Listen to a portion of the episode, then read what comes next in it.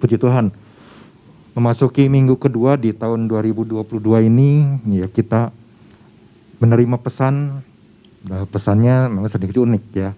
Dengan sebuah pertanyaan, apakah engkau mengalami kemajuan yang nyata? Ya, kemarin Bapak Gembala sudah menyampaikan lewat pesan ini kita tuh sebenarnya lagi belajar dari apa yang sudah kita lalui. Apakah ketika kita masuk di tahun yang baru ini, ya memasuki minggu kedua ini ternyata apakah sama-sama aja dengan yang lalu. Nah, Tuhan kan mengingatkan kepada kita, Tuhan mau setiap kita sungguh-sungguh mengalami kemajuan yang nyata. Ya. Jadi kalau kalau kita terima pesan ini tentu ini menjadi sebuah refleksi ya buat kita semua. Ya termasuk saya untuk apa? Untuk kita ngecek. Ngecek apakah mungkin hal-hal yang sudah kita lalui ini apakah ada kemajuan ataukah Sebaliknya kalau ada kemajuan pasti ada lawan katanya kemunduran. Ya. Entah itu yang terjadi di sepanjang 20, 2021 ya. Atau ketika kita mungkin punya satu komitmen baru memasuki 2022 ini ya. Terlebih lagi kan di awal tahun kita sudah terima dua pesan ya. Dari dari Tuhan yang pertama adalah pertajam mata imanmu, yang kedua menanti-nantikan Tuhan. Nah, ini kan jangan jangan sampai dua pesan ini berlalu begitu aja karena kan menanti-nantikan Tuhan dikatakan itu menjadi kekuatan buat kita menjalani 2022. Nah, kita kan memasuki hutan ya, hutan yang kelihatannya uh, terang bisa dimasuki oleh sinar matahari, tapi kita perlu kewaspadaan ya. Nah, rasanya setiap orang pasti menginginkan ya, menginginkan sebuah progres, sebuah kemajuan di dalam kehidupan yang dijalaninya. Entah itu di dalam hal usaha atau bisnis, entah itu di dalam pekerjaan, entah itu ketika ya ada di dalam rumah tangga, ya. Entahkah itu di dalam hal keuangan, di dalam hal pendidikan, ya pengetahuan, juga kesehatan atau mungkin juga di dalam pelayanan ya yang dipercayakan dan sebagainya ya termasuk pastinya sisi kerohanian ya apakah ketika kita ikut Tuhan, percaya kepada Tuhan, ikut Tuhan, kemudian ada nggak gitu pertumbuhan rohani yang kita alami? Dan pastinya masing-masing dari hal tersebut ada targetnya, ada goalnya gitu ya. Ada goalnya sendiri-sendiri ya. Yang jelas arahnya itu harus lebih baik ya dari yang sebelumnya gitu, dari yang sudah-sudah. Tapi di sisi lain juga ya seperti saya katakan tadi, kalau ada kemajuan ada kemunduran ada juga kan orang-orang yang mungkin mengalami kemunduran, nggak berkembang, ya, nggak ada perubahan, hidupnya terus begitu-begitu aja. Gitu. Ada yang seperti itu, ya. Kadang-kadang juga kan, apalagi kalau orang yang misalnya sakit, orang yang sakit, uh, terus dia memutuskan saya nggak mau diobati. Pokoknya saya nggak mau diobati, saya nggak mau berobat ke dokter dan lain sebagainya. Dia sudah memutuskan seperti itu seolah-olah dirinya itu udah nggak ada pengharapan lagi. Nah, ketika kondisinya udah semakin buruk dan semakin buruk sampai ini dokter udah angkat tangan. Nah, yang terjadi adalah ya mungkin umur usianya udah nggak lama lagi gitu ya. Jadi benar-benar dia udah nggak mau sama sekali seperti itu, memutuskan seperti itu, ya. Karena ya di samping mungkin dia nggak menjaga kes, apa, kesehatan tubuhnya, ya, sehingga kondisinya ya makin parah, akhirnya udah nggak nggak tertolong lagi. Ya itu ter, ada juga terjadi di dalam kehidupan. Ya. Nah, tapi kalau kita ya, apa terima pesan ini, ini kan bukan hanya kaitannya dengan masalah realita kehidupan sehari-hari. Ya. Ini juga kan kita harus melihatnya di dari sisi uh, hal rohani. Ya. Jadi saya percaya kalau Tuhan kasih pesan ini sesungguhnya adalah untuk kebaikan kita ya untuk kebaikan kita karena Tuhan kita itu begitu peduli kepada anak-anaknya. Nah, pesan Tuhan yang e, bisa kita baca juga di warta ya. Di sini dikatakan Tuhan sengaja mengajak kita untuk melihat berbagai perubahan pesat yang terjadi di sekeliling kita. Ya kalau kita lihat dua tahun ini aja terjadi perubahan yang pesat dalam gaya hidup aja. Ya orang sekarang hidup tuh mungkin harus jaga jarak, ya mungkin udah orang udah harus e, memperhatikan yang namanya protokol kesehatan ya dengan baik, mencuci tangan lah dan lain sebagainya. Itu benar-benar harus diperhatikan. Karena apa ya? Kalau kita lihat sekarang uh, perkembangan dari apa pandemik ini kan COVID-19 ini kan terus berkembang ya. Ada varian-varian yang terus orang uh, entah itu dilemparkan sedemikian rupa yang jelas membuat orang jadi terus bertanya-tanya ya. Nah, di samping itu juga kan kita bisa melihat ya bagaimana ketika virus ini ditemukan kemudian dengan kemajuan teknologi ya para dokter segera menemukan uh, apa antivirusnya. Kalau dulu kan yang namanya penemuan itu dibutuhkan penelitian bertahun-tahun, ya.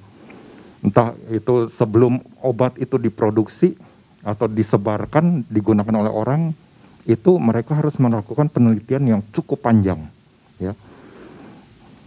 Dulu saya pernah uh, apa waktu di Jepang itu ada para ahli ya orang-orang yang memenangkan Nobel, para profesor mereka bekerja sama mem memproduksi obat kesehatan seperti itu.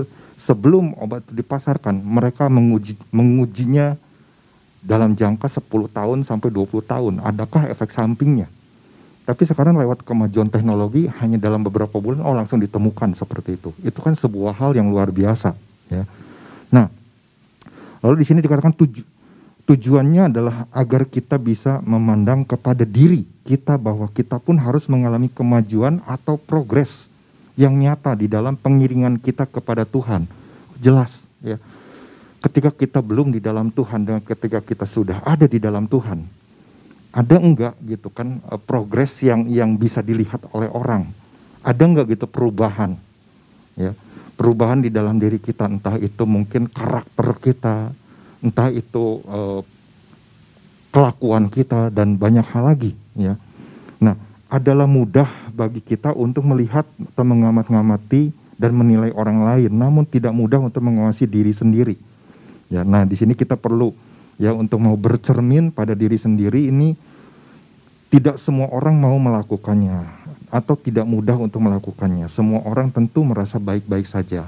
Jadi lewat pesan ini kan kita diingatkan, ayo kita membuka diri kita, ya membuka diri kita supaya kita jangan menjadi orang yang ah, rasanya aman-aman aja, rasanya baik-baik aja, tapi kita menjadi orang yang selalu mau apa ya dinasehati, ditegur ya dan lain sebagainya. Dibutuhkan tentu tolak ukur yang berasal dari kebenaran firman Tuhan untuk dapat mengetahuinya.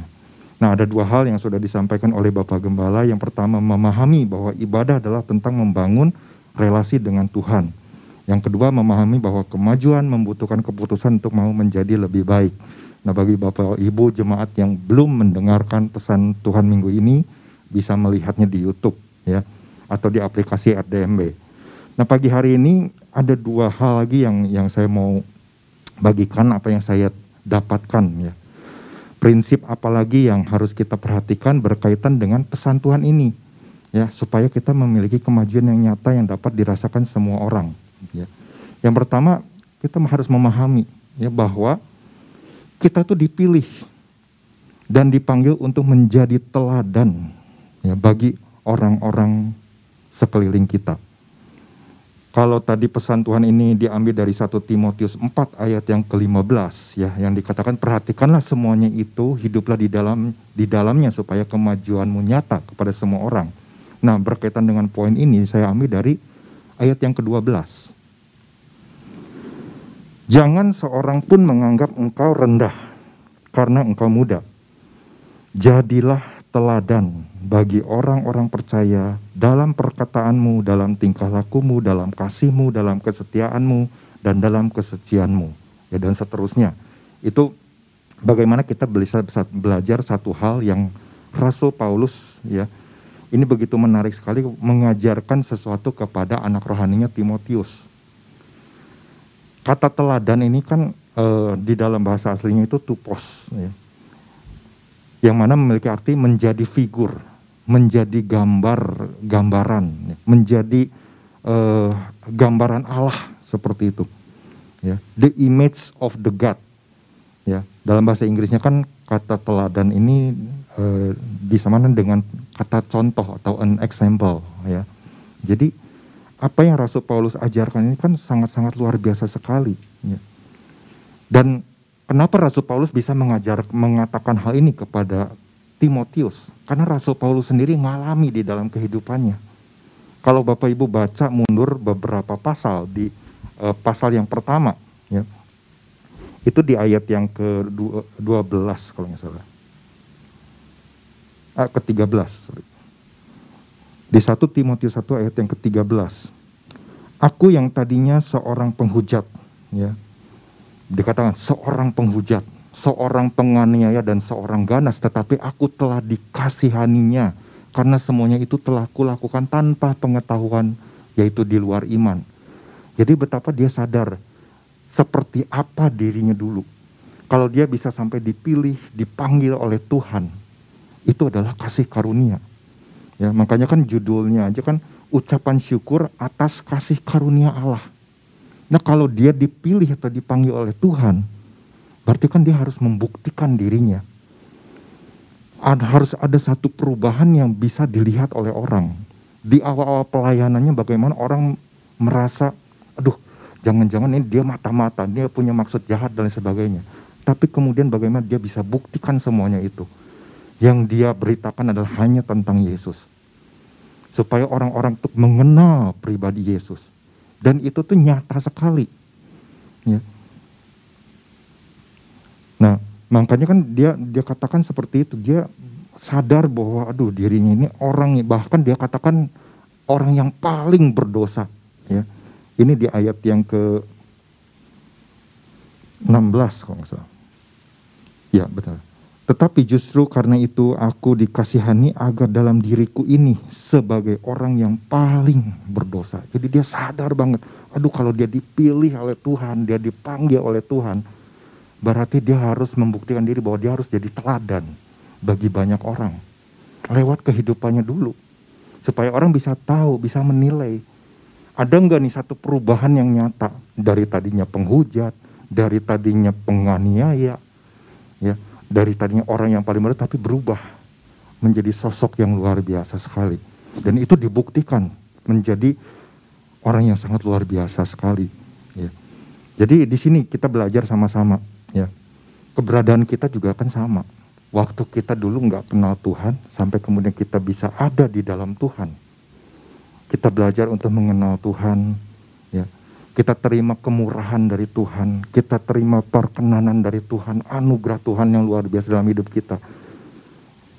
Itu kan benar, bukan selesai sampai di situ aja. Ada hal yang harus kita tunjukkan, ada hal yang harus kita apa ya kembangkan Makanya kan kami diingatkan untuk mengupgrade gitu. Jadi jangan puas cuma ada oh ya udah saya udah diselamatkan kok. Ya, udah aja jadi jemaat biasa cukup. Enggak. Tapi Tuhan mau tuh kita ngalami satu pertumbuhan. Ya. Makanya kan salah satunya adalah lewat ibadah dan itu yang yang bagi saya sendiri saya rasakan. Ya, ketika saya pertama kali bertobat saya memutuskan untuk beribadah setiap hari dan itu benar-benar memberikan satu hal nilai yang yang nggak bisa terbantahkan di dalam kehidupan yang saya jalani ya ada kekuatan demi kekuatan yang saya terima lewat apa lewat firman yang saya dengar firman yang saya terima setiap harinya ya. itu menjadi sebuah hal yang uh, bekal ya buat kita nah ini kan diingatkan bagaimana kita harus jadi teladan teladan buat siapa ya ngapain nggak jadi teladan ini penting sekali jadi anak Tuhan kalau kita nggak bisa menunjukkan teladan, wah ini ini bahaya sekali. Ya. Dikatakan teladan bagi siapa? Bukan sebenarnya kalau kita baca di, di pasal yang keempat ini kan dikatakan di ayat yang ke 12-nya tadi ya. Jadilah teladan bagi orang-orang percaya. Sebenarnya bukan hanya bagi orang percaya kita menjadi teladan itu, tapi bagi orang-orang yang belum mengenal Tuhan. Orang-orang yang di luar sana kita harus jadi teladan untuk membawa mereka mengenal kasih Kristus, membawa mereka mengalami Yesus ya di dalam kehidupan mereka. Itu yang harus kita tunjukkan. Ya. Nah, terus apa aja gitu teladan apa aja nih yang harus kita perhatikan ya buat kita harus uh, tunjukkan. Nah, Rasul Paulus kan ngajarin banyak hal, banyak poin sebetulnya ya di di situ kalau Bapak Ibu baca. Dikatakan dalam perkataan. Kalau dulunya kita mungkin perkataannya kata-kata yang mungkin ada hujatan, kata-kata yang mengujar kebencian, ya, kemarahan. Tapi kemudian ketika udah ada di dalam Kristus, oh itu makin lama makin berubah, makin hilang, makin hilang, makin gak ada, ya. Merasanya semakin gak pernah gitu. Wah itu puji Tuhan. Ya. Ketika kita mungkin menghadapi berbagai kita jauh lebih sabar untuk berkata-kata tuh enggak enggak wah sembarangan, tapi kita lebih berhati-hati. Ya seperti itu. Dalam hal tingkah laku, ya, apakah mungkin kita menjadi apa menjadi orang yang harus terus mengecek apakah tingkah laku saya mungkin dulu sama sekarang masih sama aja apa enggak ya? Atau oh mungkin udah ada perubahan, ya. Karena mungkin misalnya pasangan mengatakan oh kamu sudah berubah dalam hal ini dalam hal ini walaupun mungkin belum 100% ya puji Tuhan itu harus terus kita kejar ya. supaya terus semakin lebih baik lagi dalam hal kasih kalau dulu mungkin nggak bisa mengasihi orang, oh masa bodoh sama orang. Kalau sekarang mungkin karena kita udah mendapatkan kasih dari Tuhan, kita dipilih, kita dipanggil, kita diangkat menjadi anaknya. Kita mulai bisa membagikan kasih kepada orang. Ya. Itu adalah sebuah hal yang menunjukkan kemajuan. Ya. Dan itu harus terus, gitu. jangan jangan sampai apa berhenti di situ aja, tapi terus ya semakin semakin lebih lagi menjadi orang yang peduli kepada orang lain dalam hal kesetiaan juga dalam hal kesucian ya ini kan banyak hal yang sebenarnya kita bisa renungkan. Dan bahkan kunci-kunci lainnya tuh Rasul Paulus jelaskan di ayat-ayat selanjutnya. Ya nanti biar uh, rekan-rekan juga mungkin bisa membagikannya. Jadi di sini yuk kita sama-sama belajar ya, bahwa di dalam mengiring Tuhan kita harus sadar bahwa kita ini udah dipilih loh. Kita dipanggil. Kalau kita udah dipilih, kita dipanggil, tentu kita harus menunjukkan sesuatu. Karena yang memilihnya ini adalah Tuhan. Artinya kan kalau Tuhan yang pilih, kita menjadi anaknya, gambaran Allah itu harusnya bisa kita tunjukkan kepada banyak orang. Dan inilah yang harus terus kita lakukan hari lepas hari. Untuk bagaimana kita menjadi serupa, segambar seperti Kristus ya mau nggak mau harus ada yang namanya keterhubungan. Kalau nggak ada yang namanya keterhubungan nggak bisa jalan. Ya. Ini yang harus terus berkembang. Nah itu yang pertama. Yang kedua yang saya dapatkan adalah memahami kemajuan yang nyata memerlukan jerih payah dan perjuangan yang konsisten. Ayatnya di ayat yang ke-10. 1 Timotius pasal yang keempat. Itulah sebabnya kita berjerih payah dan berjuang. Karena kita menaruh pengharapan kita kepada Allah yang hidup juru selamat manu semua manusia terutama mereka yang percaya. Jadi kalau kita sebagai orang yang sudah percaya, kita terima Yesus. Kita menaruh pengharapan kepada Allah kita yang hidup. Jelas ada hal yang harus kita jalani lagi. Jadi kalau tadi kita udah dipilih, kita udah dipanggil, berarti kita harus ber, ada, melakukan sesuatu. Ada langkah yang nyata bagaimana saya bisa menjadi teladan tapi nggak cuma sampai di situ, ada lagi hal yang lain. Jeripayah dan perjuangan. Karena ini sesuatu yang nggak mudah untuk dijalani, ada proses. Kalau seorang pelajar aja dia misalnya ingin meraih hasil nilai yang lebih baik, ya misalnya dari semester yang lalu, maka dia harus berani untuk mengorbankan dirinya waktu untuk belajar lebih banyak. Supaya apa? Supaya dia bisa mendapatkan nilai yang lebih baik. Kalau yang namanya uh, kalau sekarang kan mungkin uh, acara-acara televisi banyak misalnya seperti ajang pencarian bakat misalnya. Orang sampai berlomba-lomba ngantri ya sebagai peserta yang mendaftarkan diri untuk bisa terpilih masuk ya di dalam ajang pencarian bakat tersebut. Mereka punya apa? Mereka punya talenta, iya mereka punya talenta. Tapi kah, tapi apakah talenta yang mereka miliki itu rasanya udah cukup, nggak perlu dibekali lagi? Enggak. Tapi mereka belajar bagaimana mereka siap, harus siap untuk ditegur, ya, harus siap untuk diperbaiki. Ya.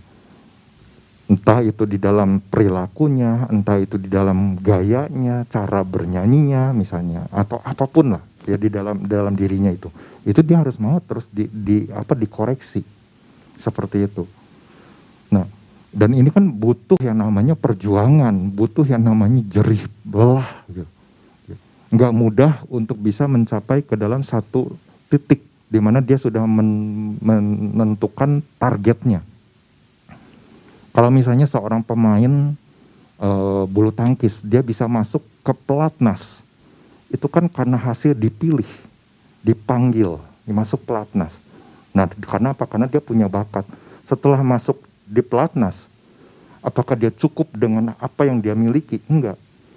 Bagaimana ada pelatih mengarahkan, menyempurnakan tekniknya, ya, kemudian mengajarkan strategi, kemudian membekali dengan segala makanan bergizi, meningkatkan stamina, ya dan lain sebagainya itu diperlengkapi. Dan orang ini harus mau. Kemudian bagaimana mungkin diajarkan kamu harus punya goal, kalau kamu misalnya ikut turnamen, apa yang kamu mau capai? Apakah kamu cukup menjadi peserta sampai babak ke satu, kedua, selesai, gugur, ya? Ataukah kamu punya target yang jauh lebih lagi? Oh, saya ingin memenangkan turnamen itu. Nah, itu kan harus benar-benar kan punya mental yang kuat, ya harus mempersiapkan diri sebaik mungkin. Itu aja kalau orang-orang dunia seperti itu. Nah, apalagi kita kita yang udah ada di dalam Tuhan, dikatakan menaruh pengharapan kita kepada Allah yang hidup, ya. Berarti ini ada hal yang harus pastinya ada jerih payah, ada perjuangan yang harus kita lakukan. Gak mudah. Ya, makanya ini ini kan menjadi sesuatu hal yang yang luar biasa yang diajarkan oleh Rasul Paulus. Bagaimana kita e, mau mengalami kemajuan yang nyata, ya, adalah tetapkan dulu. Kalau misalnya sekarang ini 2022, oh iya ya, ini 20, 2022. Berarti saya harus menetapkan nih, goal saya, tujuan saya di dalam satu tahun ini apa. Misalnya, oh dalam hal membaca Alkitab, mungkin yang tahun lalu, wah misalnya berantakan, ya, ada bolong-bolongnya dan sebagainya, udah nggak selesai lah. Nah sekarang mulai, ya menata kembali dengan baik. Wah saya harus mulai terus mendisiplin. Dan hal itu nggak nggak bisa dilakukan biasa seperti itu aja tapi harus dilatih, berlatih lebih keras lagi. Ibaratnya kalau kalau atlet itu berlatih lebih keras lagi. Kita harus mau menjadi orang-orang yang bekerja keras. Kalau rasanya dulu ah, saya udah bekerja keras, lakukan lebih lagi, lebih lagi bekerja keras. Ya. Karena dari hasil yang yang kita lakukan pasti akan ada hasilnya, ya pasti akan ada hasilnya. Jadi bagaimana? Oh, waktu saya meningkatkan diri misalnya, tindak lanjutnya oh saya udah menetap. Saya ingin mengenal pribadi Tuhan jauh lebih lagi dari yang lalu. Ya. saya ingin mengenal ke jalan-jalannya kehendaknya. Saya ingin benar-benar mendapatkan perkataannya. Misalnya mungkin selama satu tahun lalu nggak pernah bisa dengar suara Tuhan. Nah berarti kan harus tingkatkan. Meluangkan waktu kita lebih banyak lagi dengan Tuhan. Waktu ada di hadirat Tuhan menanti-nantikan Tuhan. Kemudian waktu kita baca firman Tuhan kita bertanya sama Tuhan Tuhan ini apa maksudnya? Ajarkan aku, aku minta hikmat. Ya. Dan kalau kita menjadi orang yang semakin dekat, semakin intim dengan Tuhan, Tuhan, Tuhan kan nggak mungkin menjadi pribadi yang ya lu pikir aja sendiri. Enggak, pasti Tuhan akan berbicara. Ya, karena itulah yang Tuhan mau komunikasi dua arah. Ya kita bertanya, kemudian kita mendengar. Kalau kita nggak nggak nggak ngerti, pasti akan diajarkan seperti itu. Nah itu juga yang, yang menjadi apa target goal saya salah satunya ya untuk di tahun 2022 ini. Ya, jadi benar-benar butuh tekad yang sangat-sangat kuat ya di 2022 ini. Harus punya tekad yang lebih kuat dari yang lalu-lalu. Ya. Punya kemauan. Ya. Kalau udah punya tekad ya harus dilaksanakan gitu. Ada kemauan, ya ada langkah yang nyata yang harus kita lakukan oh bagaimana waktu uh, kita baca firman, kemudian kita merenungkannya. Kalau dulu mungkin nggak pernah bikin catatan, sekarang ah mulai bikin catatan ya dan lain sebagainya. Banyak hal yang sebenarnya bisa dilakukan. Ya. Atau hal-hal mungkin apa yang menjadi apa kekuatan buat kita ini berbicara sangat luar biasa nih dalam hati saya. Nah itu bisa Bapak Ibu buat ya di dalam buku catatan Bapak Ibu supaya itu benar-benar tertanam menjadi satu daging sebenarnya dengan dengan uh, tubuh kita ini. Nah, saya belajar dari satu tokoh yang saya rasa ini sangat luar biasa ya. di dalam kis, uh, perjanjian baru ada satu peristiwa di mana uh, ini beberapa orang ini yang pelayan-pelayan Tuhan ini mereka sama-sama pelayanan tapi kemudian waktu di dalam pelayanan tiba-tiba dia meninggalkan pelayanan pulang ke Yerusalem ya Bapak Ibu pasti tahu ya siapa tokoh ini? Namanya adalah Markus. Jadi uh, waktu itu Barnabas bersama dengan Paulus pelayanan mengajak Markus. Tapi waktu di dalam pelayanan Markus ini tiba-tiba pulang meninggalkan pelayanannya. Ya. Ya eh, katanya ada yang mengatakan bahwa oh, dia ini anak emas, anak kesayangan, ya. Atau mungkin dia enggak enggak betah, ya seperti itu. Banyak hal yang mungkin di, diprediksi orang seperti itu. Tapi apa pun yang yang terjadi ya pada waktu itu kan ini bagaimana pelayanan yang ditinggalkan oleh Markus ini kan membuat perselisihan antara Barnabas dan Paulus. Ya. Artinya kan ada sesuatu yang yang penting yang sebetulnya bagi Rasul Paulus yang namanya pelayanan itu harus apa ya? Harus totally, harus radikal karena itulah yang ditunjukkan oleh Rasul Paulus ketika dia sebelum kenal Tuhan sampai dia mengalami perjumpaan dengan Tuhan, kemudian dia mengalami satu perubahan. Itulah yang ingin dia ajarkan kepada orang. Tapi buat Markus ini kok kayaknya nggak bisa. Barnabas ingin ngajak kembali, tapi sampai akhirnya terjadi perselisihan. Ya. Nah, yang saya bayangkan adalah mungkin kalau pada waktu itu yang namanya Markus, kalau dia berpikir dia sakit hati, dia kecewa, dia marah, akhirnya dia mungkin ah ngapain aku pelayanan, ah ngapain aku ikut-ikut sama Rasul Paulus, ah udahlah nggak Tuhan Tuhanan. Kalau dia mungkin memilih seperti itu, yang terjadi sebenarnya adalah sebuah kemunduran. Tetapi apa yang terjadi ketika mungkin di akhir cerita kalau Bapak Ibu baca di dalam satu tim uh, di dalam satu Timotius juga ya atau dua Timotius kalau nggak salah.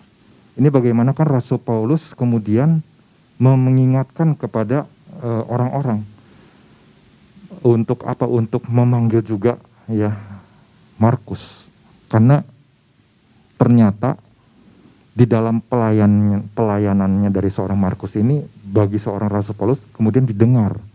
Wah, pelayanan Markus itu luar biasa. Jadi di sini Rasul Paulus menganggap puji Tuhan kalau dia ibaratnya orang yang mau terima kritik, orang yang mau berubah, orang yang mau mengalami satu kemajuan. Ya. Jadi lewat perkataan, lewat perbuatan yang Rasul Paulus tunjukkan, ternyata membuat seorang Markus ini mau berubah, mungkin dia mengecek ya ya mungkin saya ini terlalu apa ya terlalu cengeng mungkin saya ini terlalu lembek ya ibaratnya mungkin seperti itu wah saya harus memperbaiki diri saya saya nggak boleh di dalam pelayanan saya menjadi orang yang lemah ya misalnya seperti itu dan akhirnya kan bagaimana dikatakan bahwa pelayanan e, dari Markus ini begitu penting buat seorang Rasul Paulus ya makanya jemput ya panggil yang namanya Markus ini karena pelayanannya dikatakan sangat penting. Nah ini kan sesuatu yang luar biasa yang ditunjukkan dari seorang yang namanya Markus. Ada hal-hal yang dia singkirkan, dia buang. Hal-hal yang nggak perlu, hal-hal yang bisa menghambat lajunya di dalam pengenalan akan Tuhan. Dia buang, tapi dia tetap mengarahkan dirinya, dia tetap fokus kepada tujuannya, kepada panggilan Tuhan. Dia tetap meng, me, apa, mengarahkan dirinya di dalam pengenalan akan Tuhan. Nah ini yang sangat luar biasa sekali. Ya. Jadi memang pasti di dalam menjalani itu butuh yang namanya jeri lelah. Perjuangan mungkin di dalam mengatasi perkataan-perkataan tersebut. Sampai akhirnya dia bisa keluar dari masalah tersebut. Butuh yang namanya perjuangan. Ya. Jadi nggak mudah. Ya. Ada proses yang harus dia lalui. Ya sampai akhirnya dia berhasil. Ya, nah inilah yang yang kita juga mau sama-sama belajar gitu. Ya. Jadi mungkin kita tanpa disadari, oh iya ya, kenapa saya sampai ditegur oleh orang? Berarti ada banyak hal yang harus saya perbaiki. Ya. Nah ini juga yang kalau kita memahami kenapa Tuhan kasih visi sebagai prajurit. Buat seorang prajurit kalau dia hanya berpikir, ah ya udah saya masuk sebagai prajurit aja cukup. Tapi dia nggak mengejar misalnya menjadi mungkin pangkatnya naik ke yang lebih tinggi sampai akhirnya bisa menjadi jenderal. Mungkin dia hanya ya udah cukup sampai di situ aja, cukup jadi prajurit aja, selamanya jadi prajurit. Tapi ketika dia berpikir jauh ke depan, wah saya harus sebagai seorang prajurit ini bagaimana saya bisa mencapai kedudukan pepangkat sebagai seorang jenderal? Berarti kan ada hal yang harus dia tingkatkan. Ya, kemajuan-kemajuan apa? Ya, bagaimana dia pun harus punya pengetahuan, punya punya cara pandang dan lain sebagainya itu benar-benar harus dia harus mau untuk memperlengkapi dirinya. Ya. Makanya kan ini buat buat kita menjadi prajurit adalah sesuatu yang luar biasa sebetulnya. Kalau Tuhan kasih pesan ini, ya. Jadi pasti butuh yang namanya pengorbanan, perjuangan yang enggak mudah. Ya harus ada jeri lelah yang kita berikan. Nah inilah yang dua hal ini yang pagi hari ini bisa saya bagikan untuk Bapak Ibu semuanya. Ya karena semuanya keputusan itu ada di dalam diri kita. Ya. Apakah kita mau menjadi pribadi yang lebih baik dari yang sudah-sudah? Ya. Apakah kita mau punya kemampuan yang lebih tajam di dalam mata rohani dan telinga rohani kita? Sehingga memasuki 2022 ini kita menjadi orang-orang yang mengalami kemajuan secara rohani. Karena biarlah Bapak Ibu keputusan ada di dalam diri kita masing-masing. Dan saya mau kita semua bersama-sama mengambil keputusan, iya saya mau mengalami satu progres di 2022 ini di dalam pengenalan akan Tuhan. Menjadi prajurit-prajurit Kristus yang tangguh. Prajurit-prajurit Kristus yang memandang jauh ke depan. Tuhan Yesus memberkati.